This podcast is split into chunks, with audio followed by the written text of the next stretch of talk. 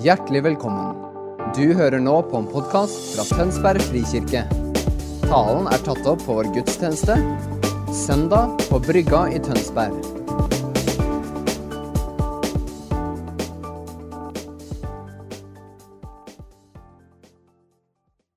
i ditt navn. Erfare ditt nærvær. Erfare hvordan du møter oss, erfare hvordan du fyller hjertet vårt med fred og med liv. Takker deg for at du er fredsfyrste. Takker deg for at du er veldig Gud, underfull rådgiver. Takker deg for at du er vår forsørger i alle ting.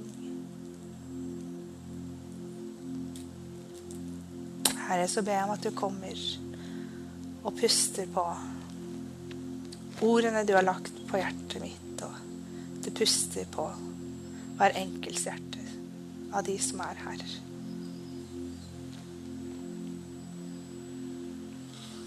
I Jesu navn. Amen.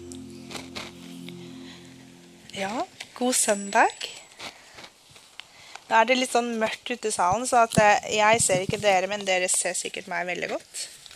Ja, det er, en, eh, det er et godt utgangspunkt, det. Um, vi har jo kommet til den siste eh, si, av våre tre kulturer som vi har hatt gjennomgang i høst, som Frida sa innledningsvis. Og vi er kommet til utdimensjonen, og da har vi kobla på godhet. Vi tror jo det at eh, godhet og kjærlighet Kjærlighet er en handling. Kjærligheten, Bibels kjærlighet, det er mye mer enn en følelse. Det er, på hebraisk så er det faktisk et verb. Fordi kjærlighet har et uttrykk. Kjærlighet har et uttrykk i form av at vi får ta imot frelsens gave, nådens gave. Og det har et uttrykk at vi får lov til å gi den gaven videre. At vi får lov til å gi nåden videre til noen andre. Og så er vi i adventstida, da. Så jeg har lært det at eh, advent kommer fra det latinske navnet adventus. Som rett og slett betyr 'kommer'. Hvis det er feil, da, så må dere bare rette på meg etterpå. Men uh, inntil videre så, så lar vi den stå. Skal vi ikke det? Um, men jeg har jo alltid trodd at advent uh, betyr å vente. Ja, Kanskje fordi at assosiasjonen min har alltid vært med liksom, helt fra barndommen. så Advent er liksom da du venter hele tiden. Du venter på 1. desember, så du kan få liksom, begynne å åpne kalenderen.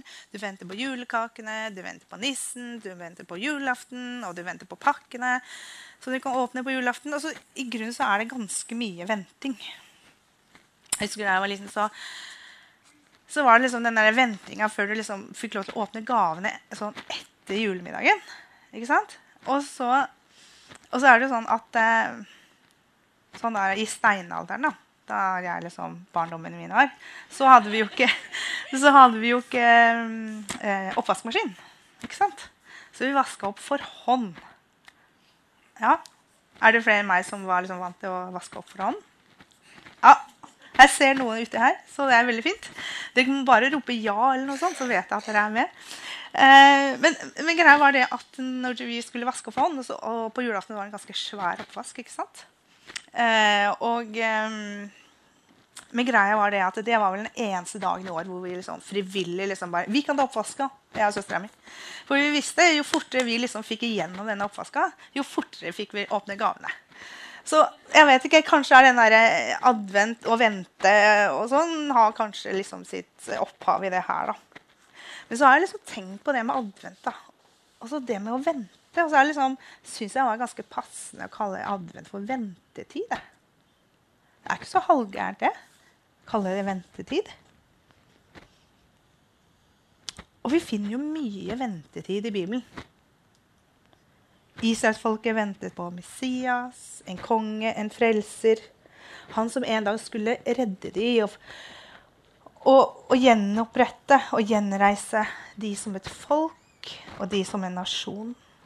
De ventet på en arvtaker, Jesaja, profeten, som vi leste i leseteksten. Kom i denne profien, profetien om at det skulle komme en Davids sønn.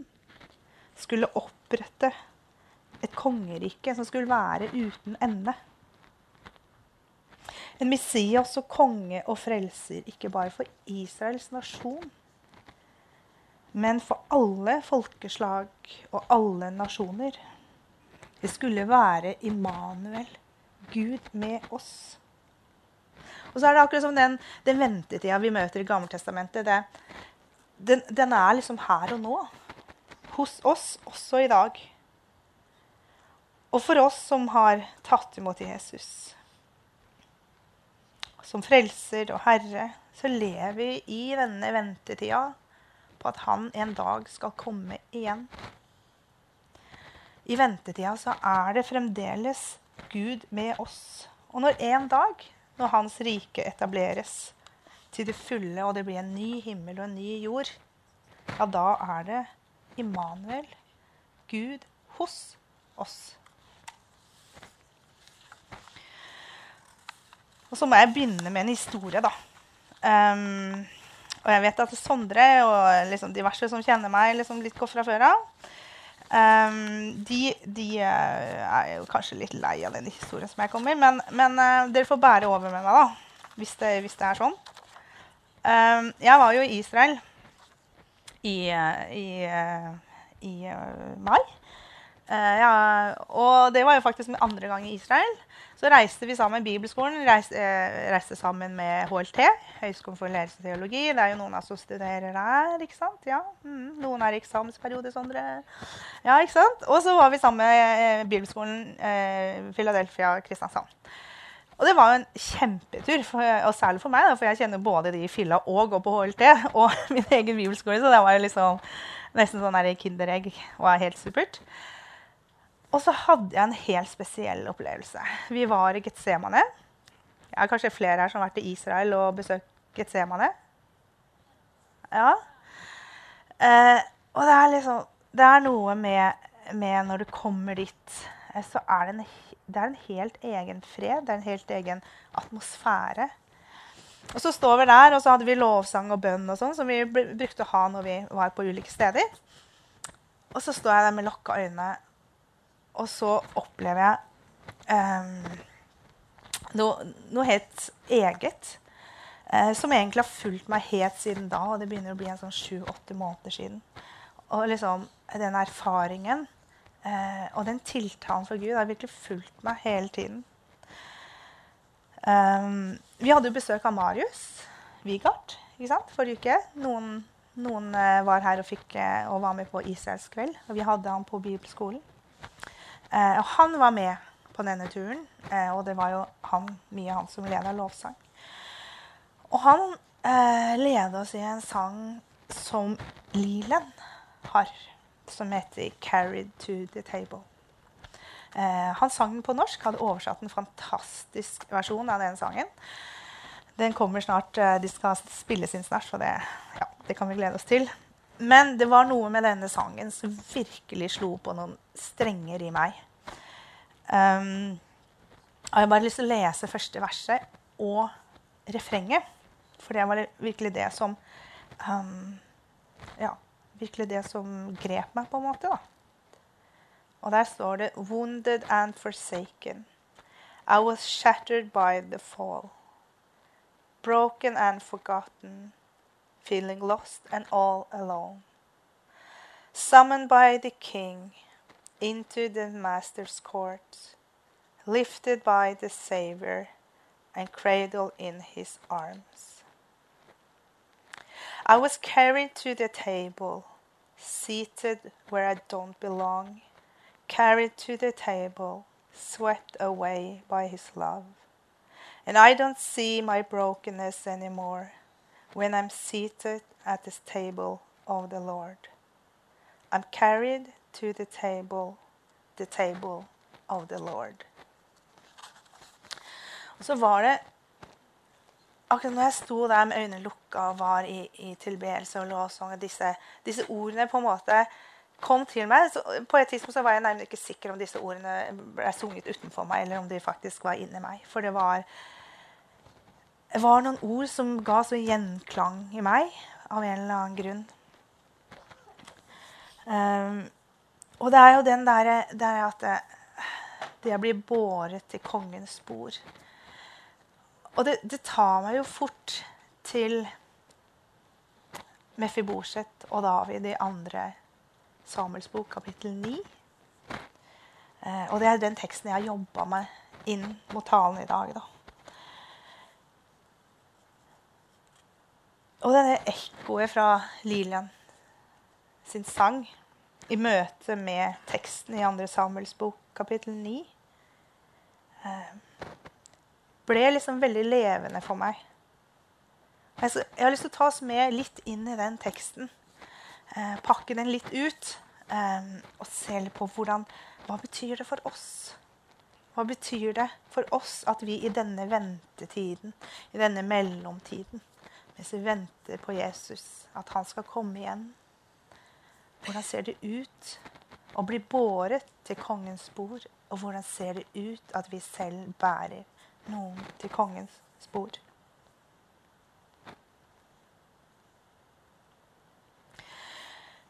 Men før jeg går inn i teksten, ehm, så vil jeg bare eh, nevne de tre spørsmålene som jeg opplevde eh, Gud satte foran meg da når jeg, når jeg sto der i lovsangene i Getsemane.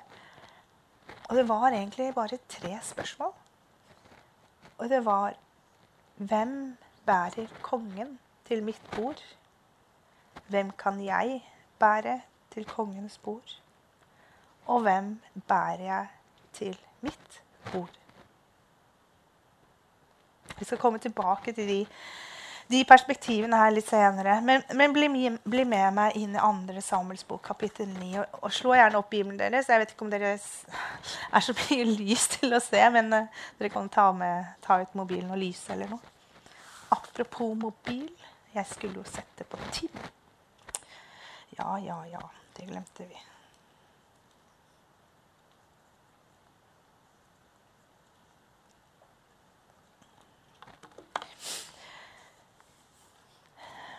Og da er det jo denne historien om David og Mefiboset. Og jeg skal gi en liten recap på det her. Um, Forhistorien er jo kapittel 7, hvor David får dette løftet om at det skal være en etterkommer av han som skulle etablere et rike, et rike uten ende.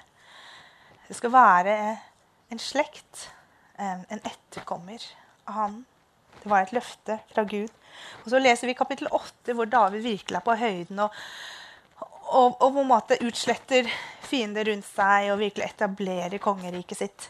Um, og det blir fred. Midt i denne tiden så er vi fort inn i kapittel 9. Og som så mange av Bibelens tekster og fortellinger så taler denne, også denne teksten, denne historien, langt utover sin egen tid og de livene de vitner om, og de tilhørerne som først eh, hørte historien. Og det er liksom, eh, det er liksom at, at eh, bibelteksten er ofte flere lag. Uh, og da ble jeg minnet om en sånn overhead. vet du.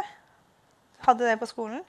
Den derre som læreren alltid la arket feil vei, og den der, det hodet der skulle liksom opp og ned. Ja, bare tull, ikke sant?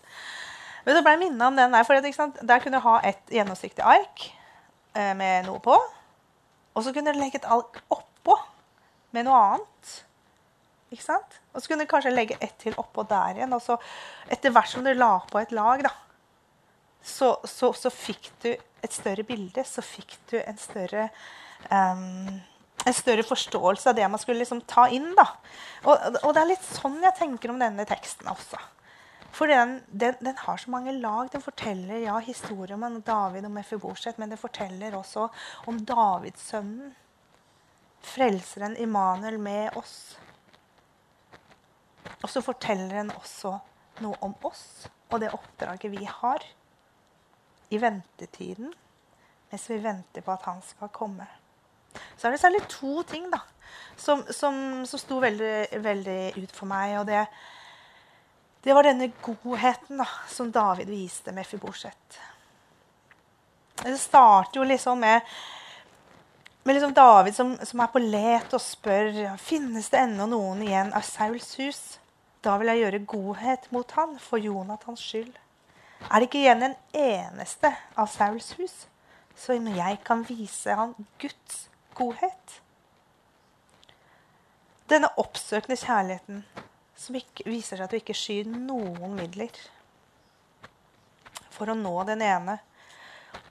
Og kong David legger bort både kronen og kongeverdigheten og verdigheten i seg selv idet han begynner å lete etter dette barnebarnet fra en som faktisk en gang var fienden, og sto han etter livet.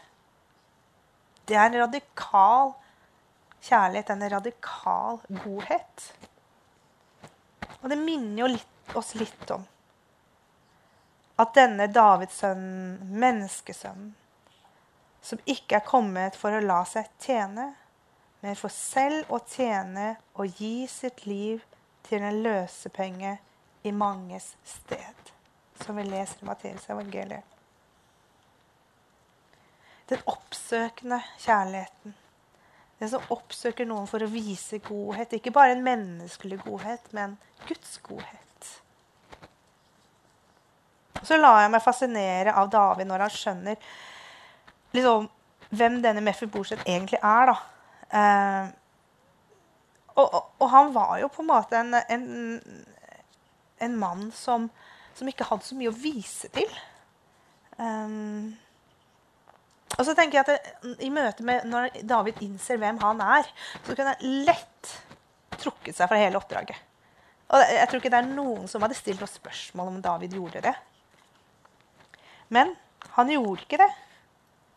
Han møtte denne Mefiboset, som egentlig hadde havna nederst på den sosiale og økonomiske rangstigen i datidens samfunn. Og det er helt uforskyldt. Han hadde, blitt, eh, han hadde, hatt en ulykke da han var liten. Og barnepika mista han faktisk i bakken, og så ble han lam. Um, og I tillegg så var han av en slekt som hadde eh, forfulgt og hatt krig mot, mot daværende konge, kong David. Og så I tillegg så var han på et sted i, altså Han var i landflyktighet til et sted som heter Lo de. Og det måtte jeg jo slå opp, for jeg, jeg, er sånn som blir så nysgjerrig på sånne ting. Så jeg måtte jo slå det opp. Og, og det som på en måte kom ut av det, det ja, der hvor jeg lette, var at Lodebar lo de bar betyr eh, stedet hvor ingenting gror.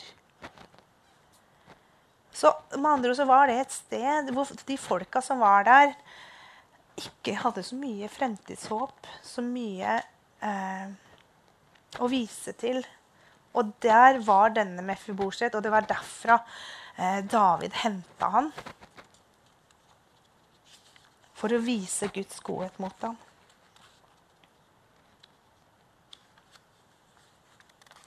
Det var på en måte et tydelig utenforskap som prega Mefibosets tillit og selvbilde. En utenforskap, enten i form av penger, anseelse eller status, gjorde noe med Mefiboset. Han anså seg selv som en død hund i møte med David. Og jeg tror en utenforskap gjør noe med oss alle sammen. Og det var den Mefiboset som David søkte. Og det er Davidssønnen og menneskesønnen som kom for å søke og frelse det som var fortapt. Det ekkoet tar vi med oss. Og så var det den godheten da, som David viste, som var så ekstravagant, som var så overdådig, som var så liksom ja, Man kunne liksom tenke at det her er det å ta litt vel i. Det her er sløsing, liksom. Skal du sløse bort tid, penger, ressurser på en mann som har ingenting å bidra med, som egentlig eh, er en fiende på mange måter. Um, men det viser noe av Davids karakter og hjertelag. David som var en mann etter Guds eget hjerte. Og denne ekstravagante godheten viser seg når David sier til Mefiboset, 'Vær ikke redd, for jeg vil vise godhet mot deg for din far Jonathans skyld.' Du skal få igjen all den jorden som har tilhørt din far Saul, og du skal alltid spise ved mitt bord. Men kongen kalte på Siba, Sauls tjener, og sa til ham, Alt det som har tilhørt Saul og hans hus, gir jeg til din herres sønn. Men du og sønnene dine og tjenerne dine skal dyrke jorden og høste inn for ham. Det skal Mefiborset, din herres sønn, leve av, og han skal alltid spise ved mitt bord. Og siden spiste Mefiboset ved Davids bord, som han var, var en av kongenes sønner. Tenk hvor en radikal godhet, og tenk hva denne gjør med Mefiboset. Tenk hva det gjør med Det er jo en, liksom en 180 liksom, dreining av hele livet. Um, en godhet som er så radikal, kan være med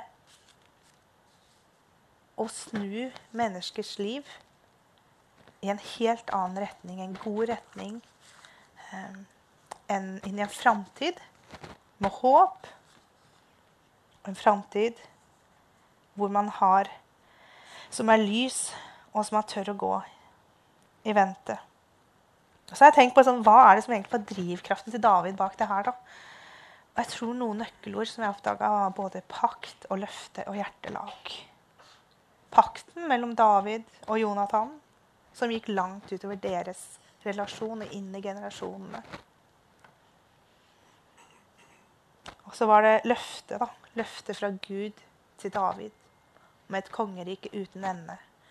En av hans slekt skulle være denne kongen. Og så var det hjertelaget da, og karakteren. David, som var en mann etter Guds eget hjerte. Og disse er nok nøkkelord for oss også, vil jeg tro. I troen har vi fått sluttet en pakt med Gud, og med det tilhører løftene fra Gud til oss. I det ligger Immanuel, Gud med oss. Så her er det pakten, og her er det løftene. Og så er det hjertelaget, da. Og jeg har faktisk drista meg utpå og sagt forpliktelse. Det er litt sånn skummelt ord. Man kan fort føle sånn der, å, forpliktelse. Det er litt sånn alvorlig. og sånn. Jeg trodde vi hadde liksom frihet til Kristus og liksom alt det der. Ja, det har vi. Frelsen er gratis og gitt, og noe vi tar imot. Guds nåde er noe som vi fortsetter å ta imot på nytt og på nytt i det vi tar imot Han, han som kommer igjen og igjen. Men vi har faktisk en forpliktelse. Og forpliktelse er noe annet enn plikt. Det er noe man gir seg til. Det er noe man velger. Og når drivkraften er Guds kjærlighet i oss, så blir denne forpliktelsen til å vise Guds godhet akkurat som David. Og akkurat som Davidsønnen så blir den drivkraften i det vi gjør, og den godheten som vi ønsker å vise andre. Jeg skal snart begynne å gå mot en avslutning, men, men jeg har lyst til å ta dere med tilbake til Getsemane til Lilaen og spørsmålene som kom til meg. Hvem bærer kongen til mitt bord? Hvem kan jeg bære til kongens bord? Og hvem bærer jeg til mitt bord? Svarene på disse spørsmålene ja, I grunnen så bare poppa det opp noen nye spørsmål. Og det er sånn Hva vil det koste meg? Og da tenker jeg ikke liksom nødvendigvis bare en prislapp, liksom kroner og ører. Men jeg tenker i forhold til tid, tålmodighet, av å sette meg selv til side, eller selvoppofrelse, hvis du vil. Hvor mye må jeg justere, omprioritere i livet mitt? Og hvor langt er jeg villig til å gå ut i min egen komfort? Og ikke minst, hvor mye er jeg villig til å risikere av smerte og hjertesorg? For ved å vise godhet det har også sin pris.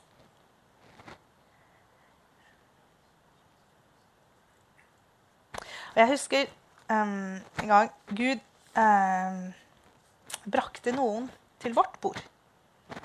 Til mitt bord, til familiens bord.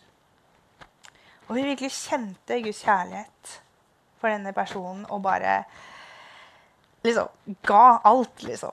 Tid og penger og innsats og liksom hjelp og alt. Og det, og det var liksom ikke en plikt, men det var en sånn der, genuin kjærlighet fra Gud. Som bare Det kom så naturlig. Det kom helt av seg sjøl. Um, så er det jo sånn, da. Vi risikerer jo også noe når vi viser godhet.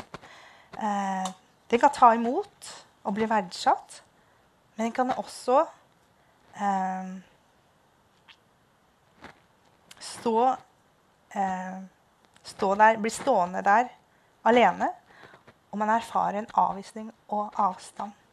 Og jeg husker at Det var min første erfaring med liksom den siden ved godhet. da. At den liksom ikke ble tatt imot, eller liksom, liksom ble skapt en avstand. Og det, det var jo sånn Hæ, Gud, hva skjer? Eh, vi, vi, trodde liksom vi var sammen om det her, da. Um, så ba jeg mye over det. og bare sånn Ja, Gud, hva skjer her? Og så opplevde jeg at Gud sa Og det, liksom, det kan kanskje høres ut som litt harde ord, men jeg opplevde virkelig at det var Guds milde stemme som nådde meg. Og da sa han bare Jeg spurte deg ikke om du ville bli forstått. Jeg spurte deg om du var villig til å elske den jeg setter foran deg, uansett hvem det måtte være.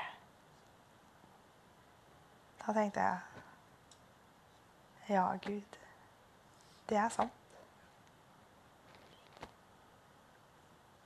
Og det blei noe jeg lærte veldig mye av.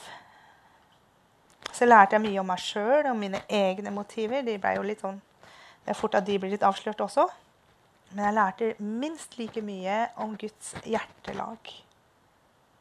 Så godhet har en pris, men godhet har jo enormt mye velsignelse med seg. Altså, det er helt utrolig hva Gud setter foran oss av velsignelser av andre mennesker som vi kan vise godhet mot. Og det er faktisk en velsignelse å ha muligheten til å vise godhet. Det er en velsignelse å ha den hva skal jeg si, Å få, den, eh, få det eh, Kjenne på Guds hjerte, Guds hjerte for en person eh, eller en situasjon. Og virkelig bli drevet av Den hellige ånd til å vise godhet, til å engasjere seg, til å komme inn og gjøre en forskjell. Så er det, det der med, med, godhet da, Det er liksom ikke en sånn enkeltmannssport. Det er en fellesskapsgreie. Det er ikke bare jeg som skal vise godhet og så står liksom hver for oss. Men nei, vi står sammen som fellesskap. Godhet er noe vi er kalt til hver enkelt av oss. Men godhet er også noe vi er kalt til som fellesskap. Og godhet er også faktisk noe vi er kalt til som kirke her i Tønsberg, i nasjonen, i Norge, men også den verdensvide kirken. Og det er jo fordi at Gud som ønsker at ingen skal gå fortapt, men alle skal få lov til å ta imot han og erfare hans kjærlighet.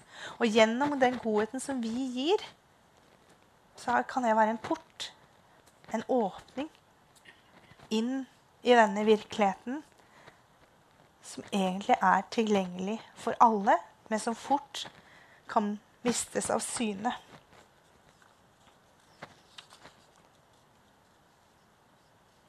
Jeg husker vi eh, Vi bor jo på Tolvsrud, og der er det jo en butikk, en Meny. En veldig fin butikk. Veldig fristende butikk. Mye fristelse der. Ikke gå dit når du er sulten. Det kan bli dyrt. Men vi, når vi kom til Tønsberg, så begynte vi å handle der. Og så etter hvert så kobla vi, eh, vi oss på med ei som ofte var liksom i kassa. Eller liksom rundt i butikken og jobba sånn. Uh, og jeg husker liksom Iselin løp til henne, og hun liksom løfta henne opp. Og vi liksom begynte å få en ordentlig relasjon etter hvert. Og, og faktisk så var det, var det, jeg som fikk vite at hun var gravid før foreldrene. Så det var jo Ja, det var jo veldig hyggelig, da. Uh, og så uh, gikk det en tid. Um, og så opplevde de en tragedie. Hennes bror tok livet sitt. Det gjorde noe med de, men det gjorde noe med oss. Fordi det som var viktig for henne, og fordi hun var viktig for oss, så blei det viktig for oss. Og i den her, når vi hadde vært så velsigna å kunne ha denne relasjonen til henne, så kom det til et punkt eh, hvor jeg ble oppringt av tanta. Og så, ja, 'Er du Eileen?' Så jeg, 'Ja, det er jeg.' 'Ja, jeg er tanta til, til den gutten her.' Og jeg lurer på om du Han, han var på et sånt der gatemøte her i Dønsberg. Og det var faktisk Daniel Havdal, for dere som kjenner han, som hadde, som hadde forkynt evangeliet. Og, og, så, og, så, sier hun eh, Jeg har hørt at det ble, ble filma litt. Um, har du den filmen? Og så sier jeg nei, jeg har ikke den filmen, men jeg kjenner han som har den. Ja, kan jeg fortale noe? Fordi hun hadde hørt det at det var noen ungdommer der som når evangeliet ble forkynt, så hadde de Når det ble um, innbudt til frelse, så hadde de var det en hel del av disse gutta som sto der, som hadde rekt opp hånda. Og hun lurte på om denne gutten var hennes nevø. Så kunne vi ta den. Um, og så Skal vi se ja, han var der. Det ser ut som han var en av de. Så rakte opp en hånd. Og så kunne de få sjelefred. For de visste at da, da var Han hadde sin sak i orden med Gud, og de visste eh, hvor han venta. Og det tenker jeg er en sånn helt enkel ting. Som slå av en prat og tulle litt og stå liksom der og rydder inn i hylla. Liksom Helt sånn enkle, hverdagslige ting. En godhet i liksom hverdagsform. da. Hvilke muligheter den åpner for oss og som vi bare kan trå inn. ikke sant? Det er disse ferdiglagte gjerningene som Gud har lagt foran oss, sånn at vi kan vandre i dem. sant? Bare et eksempel på hvor, hvor enkelt det egentlig kan være. Og hvor kraftfullt godhet kan vise seg å være i noen sitt liv. Og så kommer det til de, der, de svarene på disse tre spørsmålene. Hvem bærer kongen? til mitt bord for å vise godhet. Hvem kan jeg bære til kongens bord for å motta godhet fra ham? Og hvem bærer jeg til mitt bord for å vise godhet? Kanskje er det nettopp som den kassadama, resepsjonisten i, på treningssenteret, eller de du sitter i FAU med, eller kollegaen, eller frisørdama, eller hun som jobber på Mestergrønn, eller Altså Det er jo liksom endeløse muligheter her for oss, da. Eh, og, og vi bare snubler over dem, liksom. Hvis vi bare stopper litt og legger merke til hvem er det vi møter i hverdagen vår. Og de kan vi bære til kongens bord gjennom å vise godhet. Og hvem kan jeg bære til kongens bord mot, sånn at han eller hun kan motta godhet fra han? Hvem i min omgangskrets trenger evangeliet? Hvem kan jeg oppsøke og vise denne godheten? Og kanskje er det Frivillighetssentralen eller Natteravnen eller Senteret for ukrainere eller altså Holdt jeg på å si The sky is the limit? Jeg syns det er en morsom ting. Da får man lov til å skryte litt av bibelskolen. Ja, får lov til det. Når jeg leder bibelskolen, så får jeg lov til å skryte litt. Og det er at Vi har jo et fag som heter 'Elske byen'. Ikke sant? Godhet. Um, så vi bare sånn OK, hvordan skal vi liksom sy dette sammen, så dette blir liksom et, en, et fag som de liksom har utbytte av.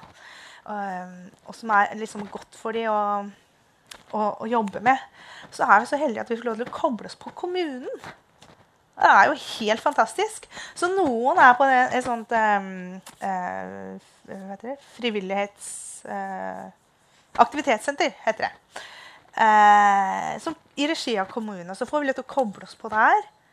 Og, og, eh, elevene får lov til å, å, møte de eldre som kommer dit, og, og bety en forskjell for de. Og så har vi også fått lov til å koble noen andre på en annen del av kommunen, nemlig um, eh? Teknisk etat, eller noe sånt heter det. Så vi lar da for hver mandag så får vi lov til å komme dit og hjelpe til å vise godhet til byen. Og det er jo helt fantastisk. Det er dritslitsomt.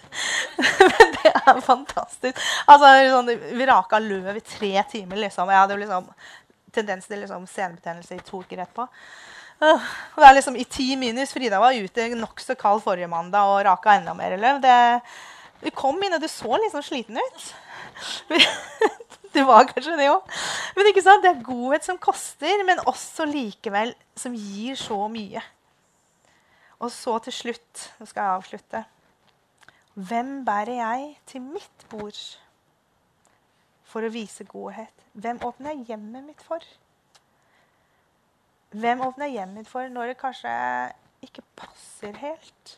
Ikke liksom Jeg har mye å gjøre, og det Ja, har egentlig ikke tid, da. Så tenker jeg sånn Kanskje noen ganger skal gå så drastisk til verk og bli fosterforeldre? Åpne hjemmet sitt, vise godhet. Eller kanskje litt mindre drastisk, da. Um, men kanskje for noen også litt krevende. Og da tenker jeg faktisk på julaften. Julaften som for oss kanskje er den, nesten den mest hellige dagen i hele året. Hvor det er familie, kos og tradisjoner.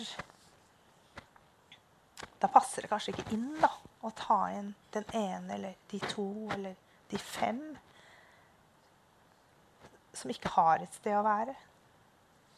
Som har en vanskelig tid i jula. For, for, for mange er jo jula en krevende tid. Ikke sant? Men hvordan kan vi da komme de i møte med vår godhet og med Guds godhet? Så er disse tre spørsmålene Jeg har lyst til å la de bare bli bli hengende der, egentlig. Og, ta, og sånn at vi kan ta det med oss inn i adventstida. Ventetida, adventstida som ikke er begrensa til fire uker før julaften, liksom. Men adventstida, ventetida, som er den distansen som er mellom Jesus, Jesus som kommer, som kom, og Jesus som kommer. Og midt i der så har vi Immanuel, Gud, med oss. Og da tenker jeg det gir noen perspektiver og en, en, en bunn til disse spørsmålene. Sånn at vi kan ut av en erfart eh, godhet som vi har fått fra Gud, og som vi har, eh, vi har blitt gitt, så kan vi få lov til å gi Guds godhet videre i denne adventstiden og ventetiden. Lovsangstimen kan komme opp. Og så vil jeg faktisk at til slutt slå et lite slag for impulsivitet. Ja, jeg vet Det er sikkert noen her som er sånn, sånn ikke sant? Hvis du har vært på sånn personlighetstest, sånn der, eh, rød, grønn, blå og sånn. Uh, og det er sikkert noen blå her som er liksom vant til ok, vi skal ha det sånn, og det skal være planlagt, og det skal være forsvarlig. Og, det skal, ikke sant? og, og veldig, veldig uh, hva skal jeg si, uh, viktig. Men liksom, jeg har lyst til å utfordre litt likevel. For selv om det å regne på omkostninger er veldig bibelsk, ikke sant? Men jeg tror noen ganger at selv de beste avveininger for og imot kan bli en snublestein for oss, sånn at vi til slutt blir så ubesluttsomme at en god sjanse til å vise godhet bare glir oss forbi. Så jeg utfordrer oss faktisk litt til å ta med oss disse tre spørsmålene og spørre Gud Hvem er svaret på disse spørsmålene? Hvem bærer jeg til kongens bord? Hvem tar jeg inn inn i mitt liv, inn i mitt hus, inn i min hverdag. Og hvem setter Gud foran meg for å vise hans godhet til den som han måtte sette foran meg. Kjære Jesus, jeg takker deg for at uh, du er Immanuel, Gud med oss. Jeg takker deg for din godhet, som er så ekstravagant, så overdådig og så rik at vi nesten ikke kan fatte det. Vi kan ikke fatte det fordi vi erfarer når du en gang kom, og en gang skal komme, men midt i så får vi lov til å erfare at du kommer på nytt og på nytt. Herre, jeg ber om at vi skal få lov til å være en utsending for din godhet til de vi møter. Og Herre, jeg ber om at du gir oss mot til å vise godhet og ta et steg og involvere oss og engasjere oss. Og gi av tid og penger og dele av de gavene som du har gitt til oss. For at noen andre skal erfare din godhet. Og Herre, jeg ber om at du i denne adventstida legger på hjertet noen av de som du vil at vi skal vise godhet. Herre, så takker jeg deg for at det er din kjærlighet som driver oss. At det er din godhet, den godheten som vi har fått erfare, er den drivkraften som driver oss til handling. Takk, Herre, for at du åpenbarer for oss hvem det er. Og jeg takker deg for at du legger ferdiglagte gjerninger foran oss, sånn at vi kan vandre i dem. Takk at vi får lov til å bringe lys der det er mørke. Takk deg for at uh, mørket ikke er mørkt for deg, men mørket er som lyset. Og vi får lov til å gå med det lyset. Vi får lov til å gå med deg, og vi får gå med din godhet. Takker deg for åpenbaring av dette. Takker deg for en åpenbaring om at uh, din kjærlighet utøste våre hjerter. Når vi har det, så har vi alt vi trenger for å vise din godhet.